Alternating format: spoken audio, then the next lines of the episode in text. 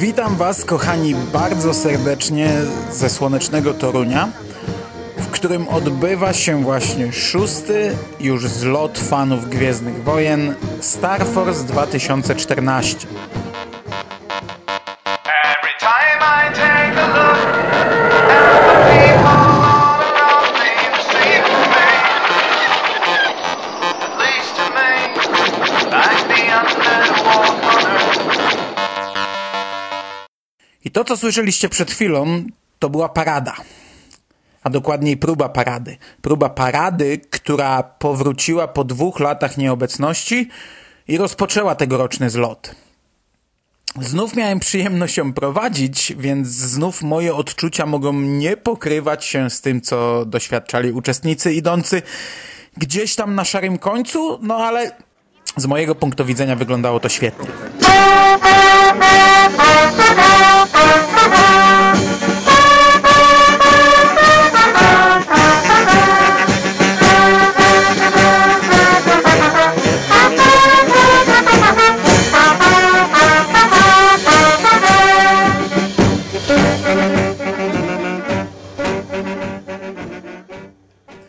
Orkiestra zagrała dwa utwory z sagi oraz swój standardowy repertuar. Zacznijmy jednak od tego, że Star Force znów zmienił termin. Tym razem jednak był on nieco bliżej lata niż przed rokiem, także było cieplej. Nie zmieniło się natomiast miejsce organizacji, czyli wbrew pierwotnym założeniom imprezy, która promuje województwo i naprzemiennie odbywała się w Toruniu i Bydgoszczy, Bydgoszcz wypadła z kolejki i drugi raz z rzędu, co pewnie już tak zostanie, miejscem zlotu był Toruń. Zresztą tym razem już mój fanklub, bydgoski fanklub Star Wars, nie był jednym z organizatorów imprezy, choć niedobitki fanklubowe w ten czy inny sposób oczywiście pomagały. Pomagały choć trochę w przygotowaniach. W tym roku znów byłem całkowicie odłączony od całej organizacji, ale w przeciwieństwie do roku minionego pojechałem do Torunia już w piątek, by wspomóc chociaż przy przenoszeniu, układaniu, przewożeniu, pakowaniu, wypakowywaniu i tym podobnym czynnościom. I przyznam, że bardzo dobrze czułem się, mogąc dołożyć od siebie choć taką malutką cegiełkę. Piątek zawsze był dla mnie bardzo fajnym, choć cholernie męczącym dniem, ale charówka zawsze się opłacała, bo targanie dziesiątek stołów i rozstawianie setek krzeseł to jest jedna strona medalu, a noszenie i ustawianie wielkich modeli i gadżetów gwiezdnowojennych to druga. Dostęp do wszystkiego w ciszy, spokoju i, i bez tłumu innych gapiów to jest trzecia rzecz. A o samej satysfakcji z bycia drobną częścią czegoś większego już chyba wspominać nie muszę. Szósty Star Wars po raz trzeci odbył się w Centrum Sztuki Współczesnej w Toruniu, ale tym razem miejscówka została e, chyba najlepiej wykorzystana i zagospodarowana. W ogóle już na wstępie warto zaznaczyć, że tegoroczna edycja ma bardzo dobre recenzje. Już na bieżąco słychać było bardzo dużo pozytywnych opinii i to zarówno od świeżaków, jak i starych wyjadaczy. A i sam przyznam, że pomimo pewnych obaw na starcie, gdyż wydawało mi się, że tego wszystkiego jest jakoś mniej niż zwykle, i pomimo tego, że od kilku lat uważam kolejne edycje za trochę taki odprysk od dwóch pierwszych genialnych zlotów, no to Star Force 2014 podobał mi się bardzo. To, to całe wrażenie mniejszej ilości gadżetów wynikało e, z większej powierzchni do zagospodarowania, ale to zaowocowało na kilku frontach. Po pierwsze, nie mieliśmy wszystkiego w kupie i niektóre sale można było odkryć dopiero za którymś obejściem, przez co całość nie opatrzyła się po kilku chwilach, a po drugie, nie było aż tak wielkiego ścisku. Minusem było to, że naprawdę można było jakąś fajną ciekawostkę przegapić. Osobiście dopiero na zdjęciach po zlocie zobaczyłem, że na parterze teoretycznie w bardzo wyeksponowanym miejscu stała replika R2D2 w skali 1 do 1 i byłem bardzo zły na siebie, że ten kącik mijałem tylko kilka razy na pełnej szybkości, nie poświęcając mu większej uwagi.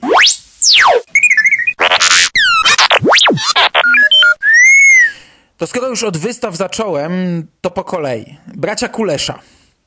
I te dwa słowa w zasadzie wystarczą. Jak zawsze przekapitalna sala pełna genialnych modeli. Zniknął X-Wing, yy, który debiutował chyba na Star Force w 2010 roku i który został sprzedany, ale wszystkie pozostałe modele były wystawione. Premierowo pojawił się Y-Wing, który, który fajnie by właśnie z tym X-Wingiem się komponował. Mm, Oprócz tego pojawiły się dwa nowe Sokoły Millennium w nieco mniejszej skali, ale nie wiem, czy to też były statki ich autorstwa. Widziałem je dopiero w sobotę. Wystawione były razem z pozostałymi modelami, bardzo fajnie wyeksponowane, postawione na lustrze, także można było jednocześnie oglądać od spodu i od góry. Ale nie miałem czasu porozmawiać z autorami, a jakoś nie zwróciłem uwagi na tabliczki z podpisami. Obok sali braci Kuleszów znajdowała się sala tronowa Imperatora. Bardzo dobra rzecz, yy, szczególnie do świetnych klimatycznych zdjęć. W tle stała wielka ścianka z ogromnym, okrągłym oknem. Za nim leciał model TIE Fightera. Przed oknem ustawiony był tron Imperatora, robiony przez ludzi z toruńskiego Imperium Star Wars. Cholernie ciężki, wiem, bo go niosłem w piątek, ale na tyle mocny, by udźwignąć nawet takie kloce jak ja, więc każdy mógł usiąść i zrobić sobie bardzo fajne zdjęcie. Cała sala, podłoga, ściany, sufit była czarna i nieoświetlona, więc wychodziło to naprawdę bardzo klimatycznie. Welcome, young Skywalker. I have been expecting you. Guards, leave us.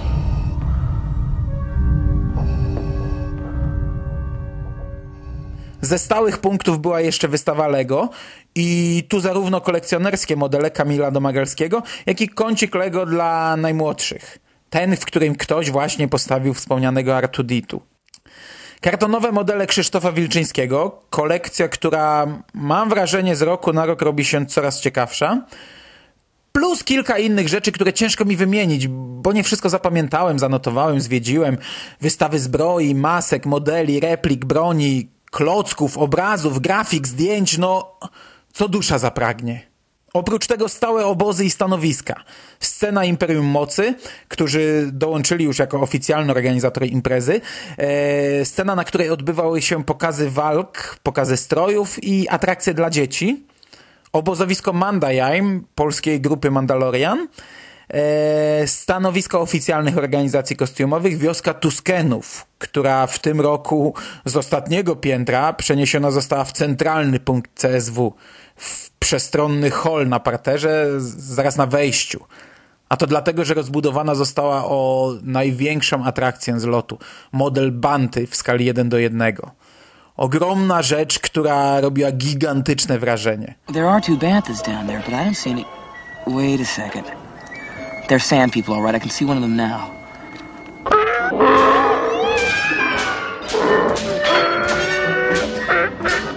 Autorzy tego modelu, Belgowie, gościli na Star Force tylko podczas jego pierwszej edycji w 2009 roku i przywieźli wtedy ze sobą model Jabby naturalnych rozmiarów.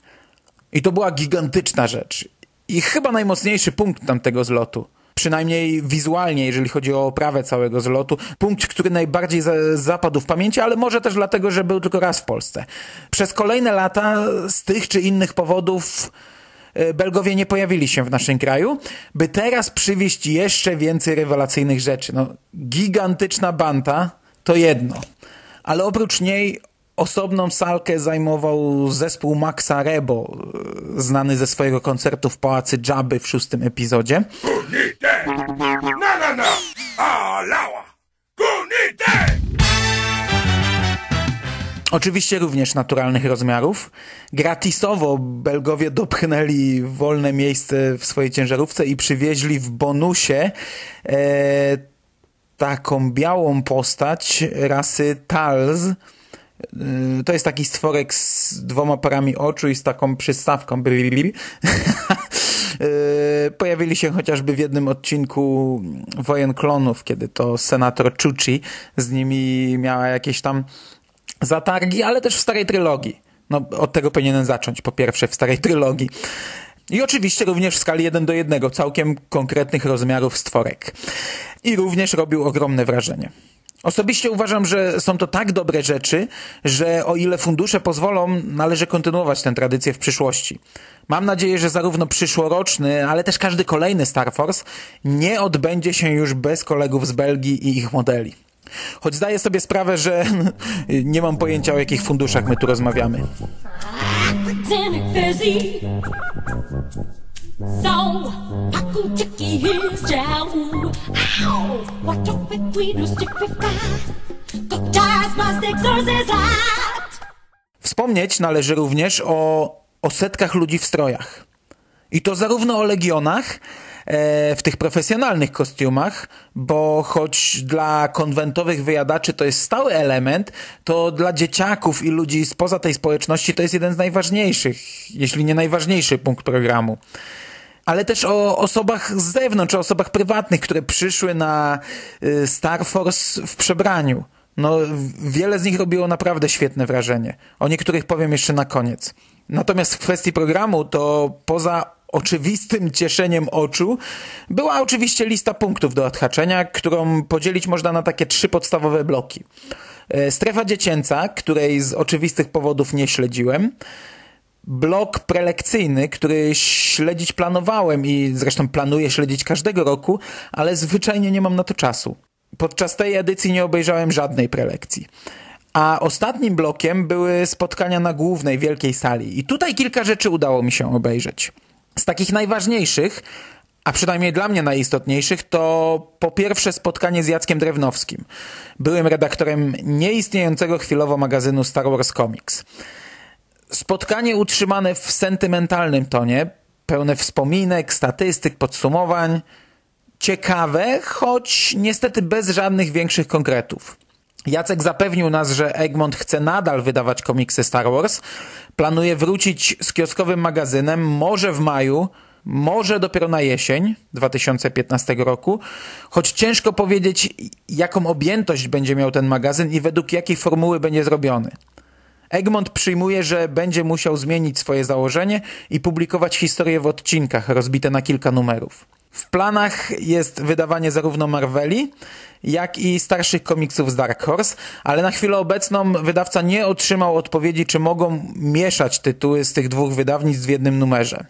Co więcej, Egmont rozważa wznowienie komiksów wydanych już u nas wcześniej przez Amber czy Mandragorę, czego wcześniej kategorycznie nie chcieli robić. Oprócz tego Jacek zapowiedział wydanie magazynu Star Wars Rebelianci i była to jedyna pewna zapowiedź.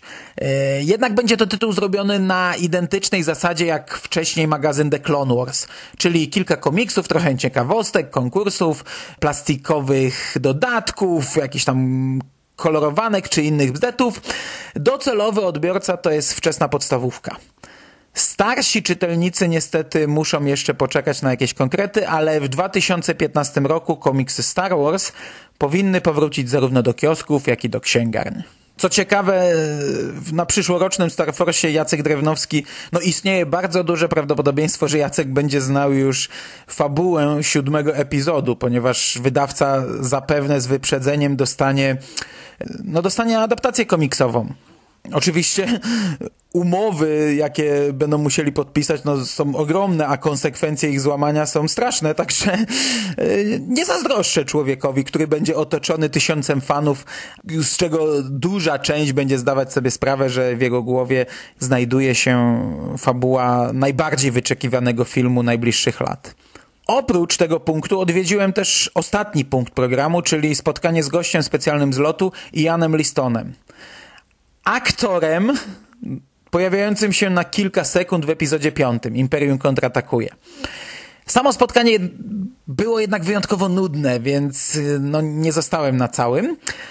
Natomiast sam aktor, no jakąś przesadnie wielką gwiazdą oczywiście on nie jest, ale dla fanów to jest ciekawa atrakcja. Ian wcielił się w dwie role. Jako jedyny w Gwiezdnych Wojnach zagrał zarówno po jednej stronie konfliktu, jak i po drugiej, a do tego, co zabawne, pokonał sam siebie.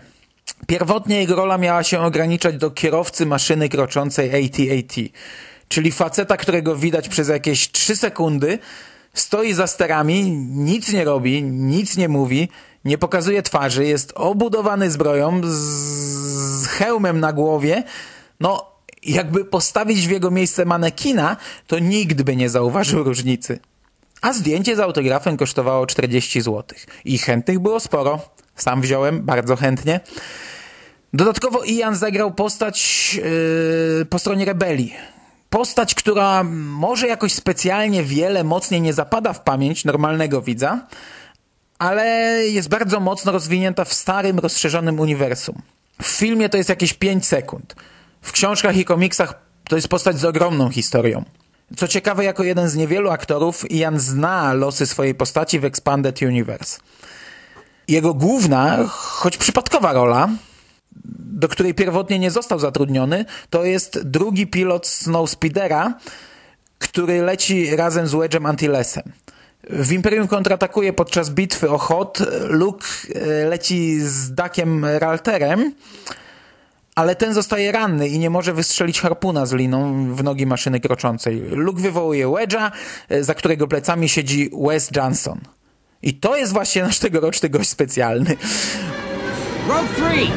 Copy, Rogue Leader. Wedge, I've lost my gunner. You'll have to take this shot. I'll cover for you. Set your harpoon. Follow me on the next pass. Coming around, Rogue Leader. Wedge zwraca się do niego z nazwiska, co już jest e, jakimś tam elementem ważniejszym, no bo mamy postać, która ma nazwisko w filmie. Wes strzela harpunem, wypuszcza linę i przewraca AT-AT, w którym siedzi odtwarzany przez niego pilot. Są bodajże trzy ujęcia na twarz Wesa.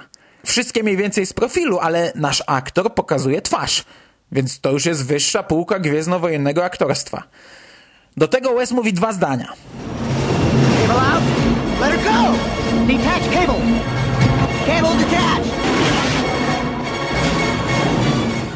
Ale jest to dodatkowo zabawne, bo Ian Liston może i wypowiadał te kwestie na planie filmowym, ale w ostatecznej wersji filmu został zdubbingowany przez amerykański głos, o czym sam dowiedział się dopiero oglądając film. I to tyle na temat gwiazdy. Kolejny autograf w kolekcji, 40 zł w portfelu mniej, ale cieszę się. Cieszę się, bo obecnie Star Force to jest jedyny konwent, na który zaprasza się ludzi pracujących przy filmach. A nawet statysta ze starej trylogii to zawsze jest statysta ze starej trylogii. Bardzo chciałbym być statystą ze starej trylogii. Impreza zakończyła się w sobotę. Trwała jeden dzień. Od zeszłego roku nie ma już w planie fandomowej niedzieli na ulicy Obiłana Kenobiego w Grabowcu. Odbyło się sobotnie afterparty w klubie Kotłownia, ale ja się na nim nie stawiłem. Poszedłem bawić się gdzie indziej. Cała impreza była bardzo udana. Świetna miejscówka, rewelacyjne wystawy, ciekawi goście, doskonała atmosfera, dużo, bardzo dużo pozytywnej energii na kolejne zimowe miesiące. Jak zawsze najważniejsi byli jednak najmłodsi. Na Star Force jeżdżą całe rodziny, bo jest to głównie dla nich impreza. Dzieciaki niejednokrotnie od rana stoją pod CSW, chodzą w strojach po ulicach miasta i przebierają nogami w miejscu, nie mogąc doczekać się tego dnia i nie mogąc doczekać się otwarcia CSW. Zarówno zasłyszane przypadkiem spontaniczne reakcje najmłodszych, jak i wypowiedzi w rozmowach czy wywiadach dają po prostu tyle ciepła i tyle energii, że człowiekowi serducho mięknie. I chce się to robić. Współczesne dzieciaki nadal kochają Gwiezdne Wojny. Ich stroje to jest, to jest temat na oddzielną dyskusję. Zarówno te chałupnicze, wykonane pociesznie z kartonu, włóczki, przedmiotów codziennego użytku są wspaniałe. Ale niejednokrotnie trafiają się dzieciaki w zadziwiająco profesjonalnych strojach, choć też często wykonanych metodą chałupniczą. Dla ludzi związanych jakoś z organizacją tej imprezy to jest najwspanialsza laurka. E, Zarówno widok roześmianych dzieciaków, przeniesionych na chwilę w odległą galaktykę, jak i słowa, pojedyncze zdania czy spontaniczne okrzyki radości. No każdy z nas, starych dziadów, gdy był w tym wieku, dałby się pochlastać za choć jedną postać z Gwiezdnych Wojen zobaczoną na żywo. Ja sobie nie potrafię wyobrazić, jak kosmicznym uczuciem byłoby dla mnie uczestnictwo w takiej imprezie, mając te kilka czy kilkanaście lat. No niesamowicie wam tego zazdroszczę, dzieciaki, i, i cieszę się, że mogłem dołożyć do tego jakiejś swojej małej cegiełki. Do zobaczenia za rok, trzymajcie się ciepło i niech moc będzie z wami. Zawsze. Can you take me home?